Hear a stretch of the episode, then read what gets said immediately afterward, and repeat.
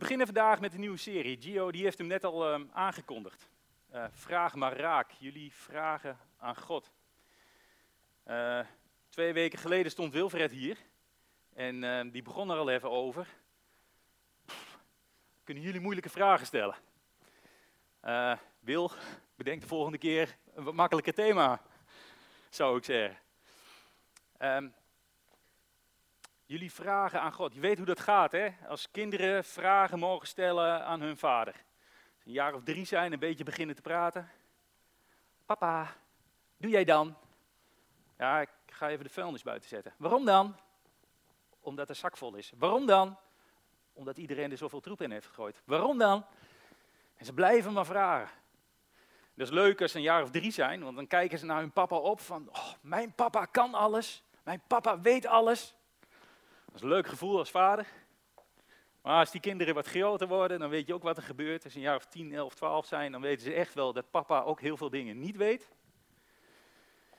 En als je kinderen nog wat ouder zijn, dan realiseren ze zich heel goed dat de kennis van papa eigenlijk heel, heel, heel beperkt is.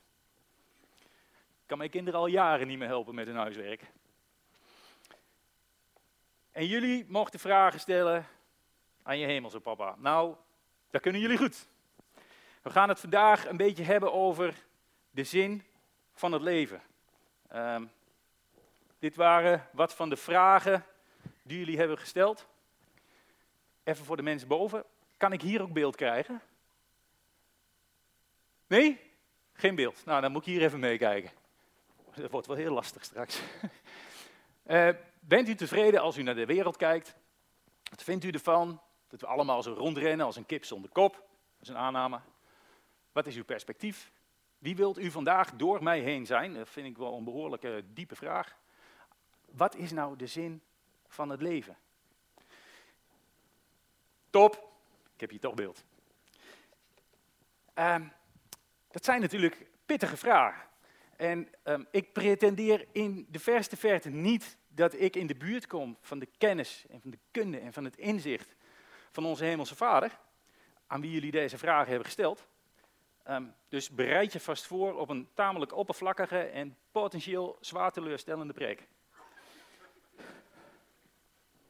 Maar goed, laten we er even naar gaan kijken. Uh, ik wil beginnen met een filmpje ter introductie. Um, Dirk de Wachter, een, een psychiater uit België. Hij is al vaker bij ons in deze dienst geweest, virtueel dan.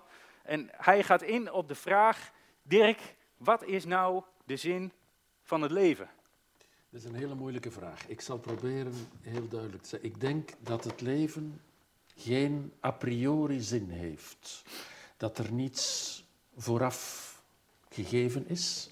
Maar daardoor is het de opdracht van de mens om zin te maken een soort existentialistische visie. Hè? Dus we, we zijn door een toevallige toestand in het leven geworpen. Ineens zijn we daar ergens in een land, in een tijd. En dan, dat is iets absurd, dat is iets volkomen absurd en toevallig. En dan zijn we eigenlijk genoodzaakt om daar iets mee te doen. De mens, door zijn ontwikkeling, is genoodzaakt om zin te geven. Dat is nodig voor het bestaan. Wij kunnen niet leven zonder zin. Dat is mijn gedachte. Maar wat zou bijvoorbeeld zin kunnen zijn? Dat is geen voorwaardelijke vraag. De zin heeft te maken met de ander, met het samenleven en met iets te kunnen betekenen voor iemand anders. Dat is de zin. Mhm. Denk ik, denk ik allemaal. Hè. Dus het is niet zo, de zin kan van alles zijn of zo. Nee, de zin heeft altijd te maken met samenleven, met voor een ander mens van betekenis te zijn, zin en betekenis.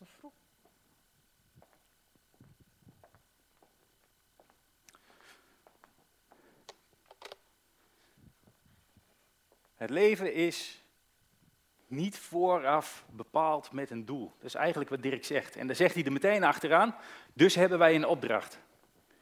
Dat wringt een beetje in mijn hoofd. Want ik denk dan, ja, de opdracht komt dan toch van buitenaf. Ehm, dus ja, dan moet er misschien toch een doel zijn. Maar dat is mijn mening. En ehm, hij zegt, we zijn hier door een toevallige toestand. En dan moet je vervolgens zelf zin maken. Geen zin? Dan maak je maar zin. En hij zegt, de zin van het leven heeft vooral ook betrekking op de ander. Op samenleven, op van betekenis zijn voor de ander. Nou, dat is allemaal wat Dirk ervan zegt. Maar het was niet jullie vraag aan Dirk, het was jullie vraag aan God. Dus ik wil vandaag vooral aan de hand van de Bijbel gaan kijken van wat kun je nou in die Bijbel terugvinden misschien over de zin van het leven. Nou, ik denk heel veel. Ik ga er maar een paar puntjes uitlichten, maar ik wil het doen eigenlijk op, aan de hand van drie perspectieven. Eerst eens kijken naar wat gebeurt er nou in die schepping. Als God de wereld creëert, dan zal hij daar toch een doel mee hebben gehad. Dan wil ik gaan kijken naar wat er in het boek Prediker staat. Een paar dingetjes aanstippen. Als je praat over de zin van het leven en je pakt de Bijbel daarbij, kun je eigenlijk niet om het boek Prediker heen. En wat natuurlijk heel belangrijk is, als we hier bij elkaar in de Stadskerk zijn, zitten we hier als, als christenen, mensen die geïnteresseerd zijn in het christelijk geloof. Wat vindt Jezus nou? Wat zegt Jezus hier nog over? Maar we beginnen maar eens bij het begin. God schiep de mens als zijn evenbeeld. Staat er in Genesis, het allereerste Bijbelboek. God schiep de mens als zijn evenbeeld. Als evenbeeld van God schiep hij hem. Mannelijk en vrouwelijk schiep hij de mensen. Hij zegende hen en zei tegen hen, wees vruchtbaar en word talrijk. Bevolk de aarde en breng haar onder je gezag. Heers over de vissen van de zee, over de vogels van de hemel en over alle dieren die op de aarde rondkruipen. Ik probeer me daar een beetje een voorstelling van te maken dan. In het allereerste Bijbelvers staat, de geest van God zweefde over de wateren. Het is donker uh, en die geest van God die zweeft daar. En dan bedenkt God, ik wil het hier mooier maken. En God gaat scheppen. En hij maakt de dag en hij maakt de nacht. En hij maakt de zon, de sterren, de maan. Hij gaat door. Hij maakt water en land. Het water was er al, hij maakt land. En hij schept daarop planten, bomen, gras, struiken, bloemen.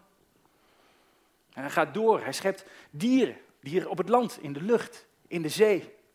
En iedere keer staat er als God wat geschapen heeft, dan kijkt hij naar zijn werk en hij ziet dat het goed is. Hij geniet van zijn werk. Daar heb ik een paar weken geleden over gesproken.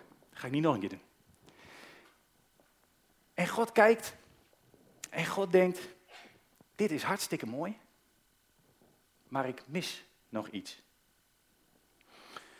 Zelf heb ik van zomer uh, een mooi afdak gebouwd achter ons huis. En dat is ongeveer af nu. En als ik daar dan zit, dan denk ik van wauw, dat is echt mooi. Daar kan ik echt van genieten. En gisteren zaten we er nog even onder, samen met mijn vrouw en, uh, en mijn dochter. Ja, zeg mevrouw, het is nog niet helemaal af. Kan nog mooier. En ik denk dat God ook zo naar de wereld keek. Hij, hij genoot, hij vond het mooi, maar het was nog niet helemaal af.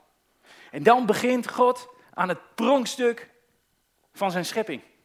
God schept de mens. De mens naar zijn evenbeeld. En denk ik dan meteen, ja, naar zijn evenbeeld, wat is dat dan weer? Want God zweefde toch als een geest. Ik heb een lichaam, heeft God dan ook een lichaam? Of moet je dat anders zien? Gaat het veel meer over het karakter, over het vermogen dat wij hebben om, om relaties aan te gaan, om te kunnen communiceren, om keuzes te kunnen maken? het is een, een populair biologische gedachte natuurlijk om te denken dat de mens een doorgeëvalueerd zoogdier is, maar dat is absoluut niet bijbels. God schept de mens als pronkstuk op zijn schepping, als man en vrouw, als zijn evenbeeld. En hij geeft de mens als enige van alle opdrachten een hele duidelijke opdracht. Wees vruchtbaar, vinden de meeste mannen niet zo erg, en word talrijk. En heers over de aarde, over de dieren. Dat betekent niet onderdrukken, nee, dat betekent er goed voor zorgen. Dat is de opdracht die God aan de mensen geeft. En hij doet dat omdat hij met de mens, als je Genesis verder zal lezen, dan kun je dat echt daaruit opmaken, Omdat hij met de mensen in contact wil staan. De mens is geschapen om met God in contact te staan. Ik zou wel eens willen dat mijn afdakje tegen mij zei: Wat zit ik toch lekker in elkaar? Wat heb jij mij mooi gemaakt? God vindt het fijn als wij Hem danken, als wij Hem eren, als we Hem aanbidden. En als je dat doet, krijg je daar heel veel voor terug. Dat is als je in, in het scheppingsverhaal kijkt, een van de doelen van je leven. Dat je in contact, in relatie mag staan met God. Nou, als je hier voor het eerst bent, je hebt niet zoveel met kerk en met geloof, dan denk je misschien van, vind ik wel, nou, weet ik niet. Kan er niet zoveel mee. Daarom wil ik ook even naar Prediker gaan kijken. Prediker, het boek Prediker, uh, is geschreven door Salomo. En Salomo stond bekend, is een koning, een van de eerste koningen van Israël, stond bekend om zijn grote wijsheid, zijn grote inzicht. je kent de uitspraak, een Salomons oordeel. Gaat over een oordeel waar heel veel wijsheid, heel veel inzicht achter zit. En deze Salomo, die heeft een heel Bijbelboek geschreven. Die was na aan het denken over de zin van het leven. Waarom leven we nou? En hij begon redelijk negatief hoor, moet ik zeggen. Um, ik had eigenlijk hier nog een tekstje willen uh, laten scrollen, maar dat ging technisch allemaal een beetje lastig. Maar als je dat leest, dan denk je, ja, die, die Salomo die ziet het helemaal niet zo zitten met dat leven hoor. Hij heeft het over ijdelheid, lucht en licht. Alles is ijdelheid, alles is lucht en leegte. Hij zegt van, weet je, die zon, die komt op, die gaat weer onder om de volgende dag weer op te komen en dan gaat maar door. Het water stroomt vanuit de bergen naar de zee. In de zee aangekomen verdampt het om weer in de bergen terecht te komen en het gaat maar door. En zo heeft hij, ik weet niet hoeveel voorbeelden. Hij zegt, zo nutteloos allemaal. En het gevoel heb je misschien zelf ook wel eens. En vanuit die vermeende nutteloosheid gaat hij op zoek naar een doel in het leven en hij komt tot een aantal conclusies. Dit is een conclusie van Prediker. Wanneer een mens geniet van rijkdom en bezit, wanneer hem dat door God wordt toegestaan als zijn rechtmatig deel, en hij zich verheugt in alles wat hij moeizaam heeft verworven, is dat een geschenk van God. Dan piekert hij tenminste niet zoveel over het luttel aantal dagen van zijn leven, maar gaat hij van ganse harte op in de vreugde die God hem toebedeelt. Hij zegt Salomo, geniet nou maar gewoon, geniet maar gewoon van alles wat je hebt, van je bezit, van de dingen die je uiteindelijk van God hebt gekregen. Want als jij lekker aan het genieten bent, dan ben je afgeleid van de ellende in het leven. Van de dingen die minder leuk zijn. Dan hoef je er niet bij na te denken dat je leven maar zo kort is. Betekent dat dan dat het ongebreideld genieten is? Dat je alles uit het leven moet halen wat erin zit? Als je kijkt wat hij zegt tegen jongeren, geniet dus, beste vriend, van je jonge jaren. Haal je hart op aan de dagen van je jeugd. Volg de wegen die je hart wil gaan. Gun je ogen wensen. dat, dat klinkt toch wel een beetje als een oproep om er echt alles uit te halen, om er vol voor te gaan. YOLO, you only live once. Kom op, gas erop. Maar, hij zegt er nog iets achteraan. Onthoud bij alles wat je doet, dat God je aan zijn oordeel onderwerpt. Belast je hart niet met verdriet en houd je lichaam vrij van kwalen, want je jeugd en je jonge jaren zijn al snel voorbij. Dat is toch even zo'n pittig zinnetje zo tussendoor. Vind je niet?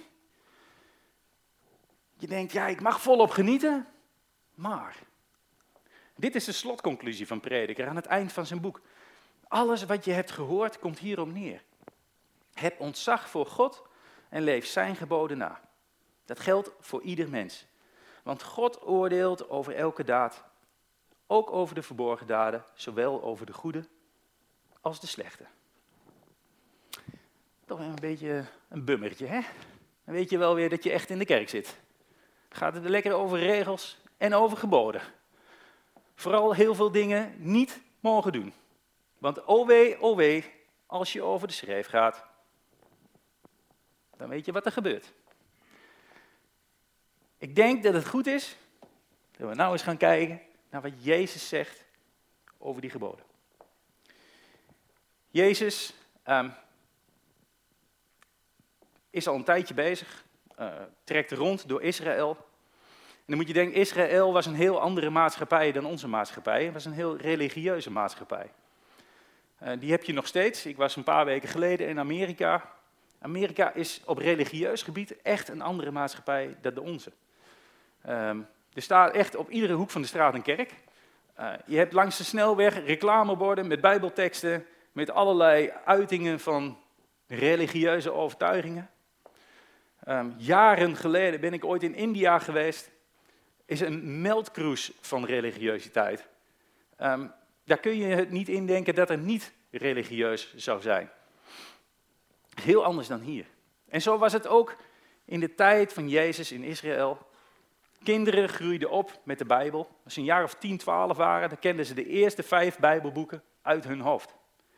En vanaf die leeftijd, dan gingen ze daarover praten, over in discussie met elkaar. Om te ontdekken wat nou de echte betekenis is van die teksten. En zo is Jezus als rabbi, als leraar, ook vaak in gesprek met schriftgeleerden en fariseeën, mensen die professioneel bezig zijn met de Bijbel, om de betekenis van die Bijbel te ontdekken. En een van die schriftgeleerden die vraagde op een gegeven moment aan Jezus, wat is nou het belangrijkste gebod? Nou, komen we bij die geboden, de tien geboden, daar heb je vast wel eens van gehoord. Die schriftgeleerden en fariseeën, die hadden daar niet genoeg aan, aan die tien. Die hadden er nog ruim 500 bij bedacht. Dus er is een ontzettende zwik aan regels. En dan wordt er gevraagd, wat is nou de belangrijkste? En dit antwoordt Jezus. Heb de Heer uw God lief. Met heel uw hart en met heel uw ziel en met heel uw verstand. Dat is het grootste en eerste gebod. Met alles wat je in je hebt. Van het puntje van je teen tot het uiterste van je kruin. Heb God lief. Eer Hem, dien Hem in alles wat je doet, in alles wat je denkt. Pittige opdracht. Dit is het eerste gebod. Dan zal er wellicht ook een tweede zijn. Het tweede is daaraan gelijk. Heb uw naaste lief als uzelf. En die twee die zijn aan elkaar gelijk, zegt Jezus. Dus het gaat om God liefhebben, maar het gaat vooral ook om je naaste liefhebben. Dan denk je bij jezelf misschien, als je niet zo gewend bent aan die terminologie, wie is dan mijn naaste? Nou, zeggen, laten we even beginnen. Kijk even links van je, kijk even rechts van je. Je naaste zit naast je, makkelijk. Maar kijk ook even rond. We zitten hier allemaal bij de Stadskerk, toch een soort vanzelfde doel. We waren nieuwsgierig vanochtend. Wat gaat er verteld worden? Wat, hoe gaan we zingen? Jullie zijn allemaal elkaars naasten. Nou, is leuk hè? Als je nou vanmiddag naar huis gaat, je gaat een wandelingetje maken in het bos, of je gaat misschien de stad nog in. Mensen die je daar ziet, die daar tegenkomt, je naasten. Misschien ben je gisteren in het PSV-stadion geweest. De mensen die daar waren, ook de AZ-supporters, je naasten. Het is niet anders. Allemaal mensen, net zoals jij, geschapen door God. Naar zijn evenbeeld. Allemaal mensen van wie God houdt. Net zoals God van jou houdt.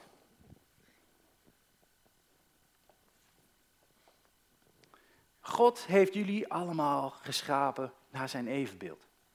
En denk, ja, maar moet ik dan moet ik dan al die mensen lief hebben? Dat, dat, is toch niet te doen? Het zijn mensen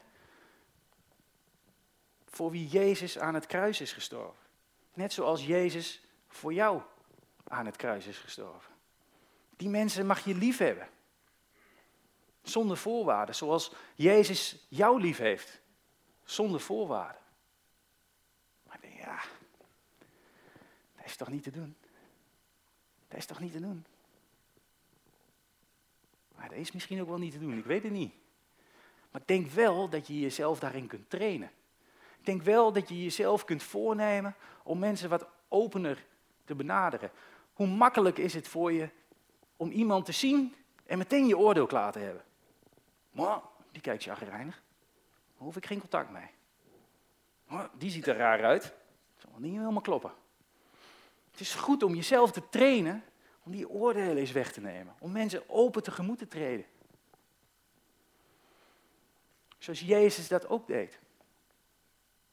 Zonder aanzien des persoons. Nou, zeg je misschien bij jezelf, blijft toch heel moeilijk. Twijfel daarover. Ik weet ook niet of ik op die manier lief kan hebben. Ik weet ook niet of ik God lief kan hebben op die manier. Twijfel mag. Als je kijkt in het eind van het leven dat Jezus hier op aarde doorbracht, komt hij nog een keer samen met zijn elf leerlingen, zijn elf discipelen. De mannen waarmee hij drie jaar lang is opgetrokken. De mannen die hij heeft getraind en gecoacht. De mannen die hem wonderen hebben zien doen. Die hebben gezien hoe hij is gestorven aan het kruis. Hoe hij ook weer is opgestaan uit het graf. Die mannen komen nog een keer bij elkaar en dan staat er dit. De elf leerlingen gingen naar Galilea, naar de berg die Jezus hun had genoemd. En toen ze hem zagen, bewezen ze hem eer. Wat ik eigenlijk net zei. Het doel van de schepping, God eren en aanbidden. Die mannen bewijzen Jezus eer. Al twijfelden enkelen nog. Ja, hoe dan? Hoe dan? Jullie zijn drie jaar lang met die man opgetrokken. Je hebt alles gezien wat hij gedaan heeft. En ze twijfelden nog. Dat, dat, dat moet Jezus toch pijn doen? Dat moet toch uitermate irritant en frustrerend zijn? Daar zou je toch boos om worden? Ik weet niet hoe Jezus reageerde, maar er staat helemaal niks over. Het is voor Jezus blijkbaar niet zo'n punt als je twijfelt. Jezus besteedde geen aandacht aan. Hij kwam op hen toe en zei: Mij is alle macht gegeven in de hemel en op de aarde. Ga dus op weg en maak alle volken tot mijn leerlingen. Door hen te dopen in de naam van de Vader en de Zoon en de Heilige Geest. En hen te leren dat ze zich moeten houden aan alles wat ik jullie opgedragen heb. En houd dit voor ogen. Ik ben met jullie alle dagen tot aan de voltooiing van de wereld. Jezus maakt er geen punt van als je twijfelt. Hij zegt: ga gewoon. Ga gewoon op pad. Deel van mijn liefde. Laat zien hoe je in liefde met elkaar kunt omgaan. Zoals ik in liefde met jullie ben omgegaan. Zoals ik nooit oog heb voor alle regeltjes en voor alle wetten. En nooit zeg van, oeh, als je nu over de schreef bent gegaan, dan kun je het voor de rest van je leven wel vergeven. Maar altijd in een open houding. Ik wil er voor jou zijn, zegt Jezus. En zo mag je de wereld ingaan. Je naaste tegemoet treden. Ik wil er voor jou zijn. Maar als je in Jezus gelooft, dan mag je je laten dopen. En dan doet Jezus daar een belofte achteraan. Ik zal bij je zijn. Ik zal naast je lopen. Ik sla een arm om je heen als je het moeilijk hebt. Ik ga met je mee op de weg die jij moet gaan. Niet voor even, maar voor altijd. Tot het eind van je leven, tot het eind van de wereld. Is dat niet een fantastische belofte die Jezus hier doet?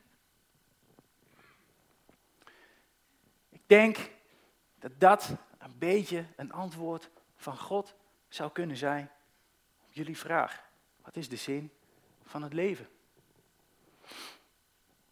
Heb God lief. Laat mijn liefde, zegt God, bij je binnenkomen. Heb Jezus lief. Probeer Hem na te volgen. Heb je naaste lief. Heb aandacht voor je naaste. Volg Jezus met al je twijfels en gebrekkigheden. Maak daar geen punt van. Doet Hij ook niet. Wees over niets bezorgd. Vraag God wat je nodig hebt. Dan zal de vrede van God, die alle verstand te boven gaat, in jouw hart en jouw gedachten aanwezig zijn.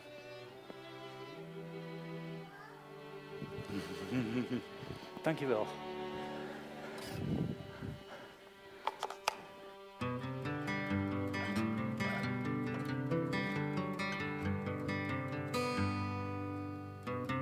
Won't you take this cup from me?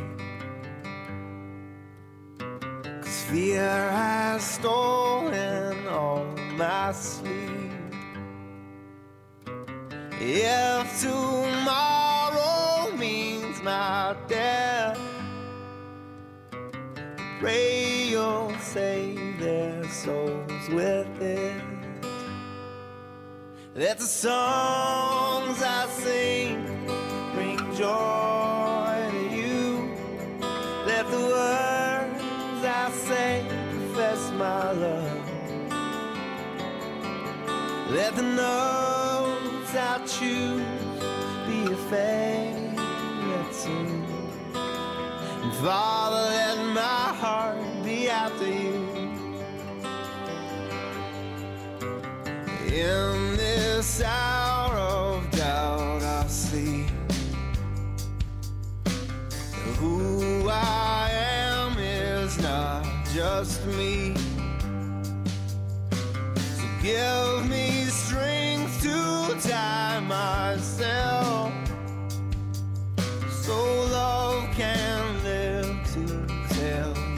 tale.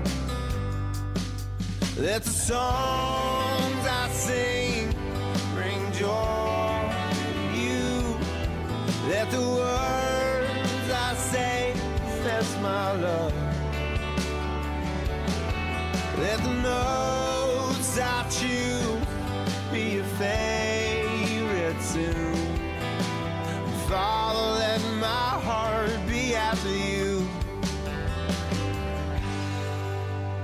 Father, let my heart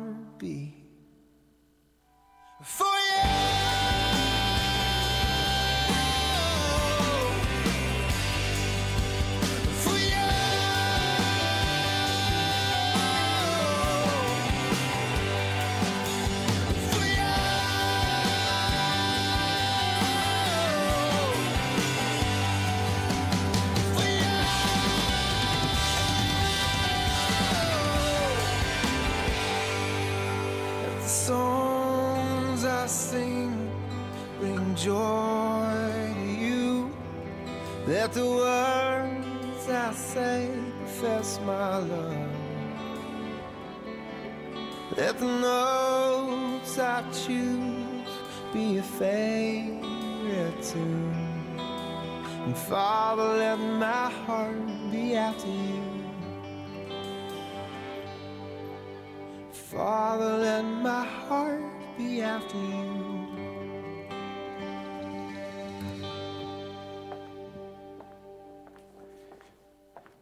Ik was dus bezig met mijn preek voor te bereiden. En ik dacht van, ja, het is allemaal leuk hè, zo'n verhaal, theorie. Kunnen we dit nou niet met elkaar in de praktijk gaan brengen? Kunnen we hier niet iets concreets mee? Want uiteindelijk gaat het daarom. En ik heb erover na zitten denken en ik dacht bij mezelf, nou, we leven best wel in een, een rare, moeilijke tijd. Hè? Ehm, we hebben energiecrisis, eh, hoge inflatie. Er gaan mensen in de problemen komen. Dat weten we. En de regering heeft daar een mooie oplossing voor bedacht. Iedereen krijgt een compensatie van 380 euro. Nee, dat is mooi. Het vervelende daarvan is, ehm, dat gaat bij mensen terechtkomen die het heel hard nodig hebben, die wel 830 euro kunnen gebruiken, maar het gaat ook bij mensen terechtkomen ja, die in de gelukkige omstandigheid zijn dat ze het niet nodig hebben. Omdat hun energiecontract nog een paar jaar vaststaat, omdat ze een salaris hebben waarvan ze toch al niet weten hoe ze het op moeten krijgen, of om wat voor reden dan ook. Ik dacht, hoe gaaf zou het nou zijn als die mensen die dat niet nodig hebben, die 380 euro gewoon weer aan de kant zetten en dat geven aan de mensen die het keihard nodig hebben. Als we dat nou eens gaan organiseren hier vandaag, vanochtend. Ik denk, ik gooi het in de groep, we hebben het erover gehad. En dan kom je tegen allerlei praktische problemen. Het gaat gewoon niet om dat te organiseren, was de conclusie. Maar we hebben allerlei organisaties in Eindhoven die ook bezig zijn met goede doel. Misschien dat we die kunnen inschakelen en het via zo'n organisatie kunnen doen. Een paar organisaties gebeld. Nee, is niet waar. Eén organisatie gebeld. Mag niet liegen, hè? Over gehad. Maar die komen ook weer met, ja, die lopen tegen allerlei praktische bezwaren aan. Uh, regelgeving die het allemaal onmogelijk maakt om, om geld te gaan herdistribueren. Dus eigenlijk was de slotconclusie, ja, ja, een leuk idee, maar kunnen wij niet uitvoeren. Daar leg ik mij dus niet bij neer. Dus ik zou willen vragen, iedereen die geld kan gebruiken naar links, iedereen die geld over heeft naar rechts. Nee, gaan we niet doen. gaan we niet doen. Maar het zou leuk zijn, hè? Maar het is natuurlijk wel jammer dat je eigenlijk zo'n goed plan hebt en denkt van ja, dat zou mooi zijn als we dat kunnen doen en dat het gewoon niet werkt in de praktijk. Dus ik laat het bij een oproep. Maar ik zou echt willen vragen om deze week, de komende weken, aan de slag te gaan rondom dit thema. Om er te zijn voor je naaste. Misschien heb jij die 380 euro niet nodig. Misschien kun je er een deel van missen. Misschien ken je mensen in je omgeving waarvan je weet dat ze het echt heel zwaar hebben. Haal wat geld van de bank, stop het in een envelopje, schuif door de brievenbus. Zou een oplossing kunnen zijn. Misschien denk je, ik ken dat soort mensen eigenlijk helemaal niet. Vind het een mooie gedachte. Ehm, zoek een organisatie op. Hier in Eindhoven, de Voedselbank bijvoorbeeld, of uh, we hebben hier in Eindhoven Stichting Anders. Weet je, die mensen die zitten altijd verlegen om geld. Die kunnen dat echt goed gebruiken. Um, en ik wil jullie absoluut geen geld uit de zak kloppen. Uh, je moet vooral doen wat bij je past. En misschien zeg je wel van, nou, ik ben liever praktisch bezig voor anderen. Uh, ik hoorde ook weer van de week, ja weet je, um, organisaties zijn best bereid om, om producten te geven. Um, bijvoorbeeld, we hebben de, uh, uh, de Stichting Anders, hè, die probeert ook dienstverlening te doen voor, voor mensen die het moeilijk hebben. Die zeggen, ja weet je, een, een laminaatvloer, die hebben we eigenlijk zo geregeld. Maar die laminaatvloer gelegd krijgen, dat is weer een hele grote uitdaging. Want er zijn geen mensen voor, er is geen mankracht voor. Um, je hebt de stichting Present in Eindhoven, die proberen dan, dat soort vraag en aanbod bij elkaar te brengen. Nou, zo zijn er natuurlijk veel meer clubs. Ik heb wat foldertjes op de tafels gelegd, kijk er eens naar, misschien kun je er wat mee, misschien kun je er niks mee. Maar het is echt een oproep van, uit mijn hart om na te denken over wat je zou kunnen doen voor de mensen in je omgeving. Om op die manier toe te komen aan een stukje zin in je leven. Een stukje zin dat je zelf mag maken. Als jij geen zin hebt of zelf geen zin ziet, maak maar zin. Dankjewel.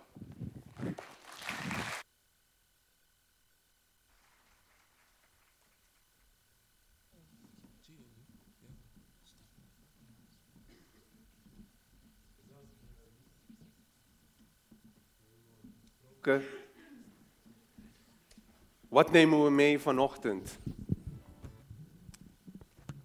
Dat is wel een, uh, een vraag wat we zeker onszelf kunnen afvragen. Inderdaad, het is heel belangrijk dat we naar onze naasten kijken en ook daadwerkelijk onze handen uitstrekken om onze naaste te helpen. Het zal je verbazen, juist de kleine dingen, wat een verschil dat kan maken in het leven van een ander. Het hoeft niet groot te zijn, maar begin met iets heel kleins. En vaak zal je merken dat mensen je ook dankbaar zijn, omdat het daadwerkelijk een verschil maakt in hun leven. En ik zei in het begin, Stadskerk 040 is een kerk die midden in de maatschappij wil staan. En om eerlijk te zijn, ik vind het jammer, het idee wat je had, wat je net hebt uitgesproken, dat we daadwerkelijk niet kunnen uitvoeren. Ik zeg altijd, with God everything is possible. En dat is het geloof wat in, we in onze dagelijkse bezigheden, in onze leven ook vooruit moeten komen. Dus laat het niet bij het idee van wat Nick net heeft uitgesproken, maar doe er daadwerkelijk iets mee. Want er zijn echt mensen in onze omgeving, als je om je heen kijkt, die het moeilijk hebben, op wat voor een vlak het mag zijn. Stadskerk 040, ieder jaar rondom de feestdagen hebben wij ook een project voor de dak- en thuislozen. Wij koken gezamenlijk met een groep als kerk voor de dak- en thuislozen. Hoe bijzonder is dat? Iedere keer wordt er een oproep gedaan en mensen sluiten aan, mensen koken, vrijgevig. We gaan naar het hemeltje, we gaan koken en de mensen zijn dankbaar. Ze zijn blij omdat hun buikje letterlijk gevuld worden.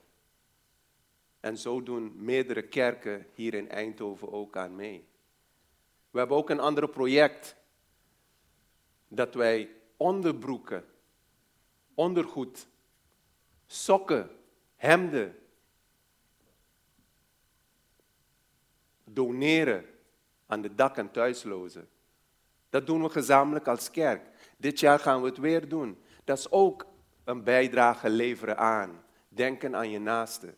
Dus bij deze oproep, we gaan het in december ook doen. Weer doen. Je kan ook aansluiten. Want de mensen worden daarmee gezegend. Vaak krijgen ze kleren, jassen. Maar mensen vergeten, ze hebben ook ondergoed nodig. Sokken en hemd. Daar denken de meeste mensen niet aan. Ook kleren, hup, kunnen we wegdoen. Maar zo'n bijdrage maakt degelijk een verschil. En dat is maar een voorbeeld.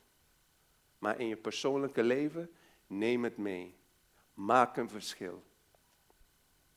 Amen.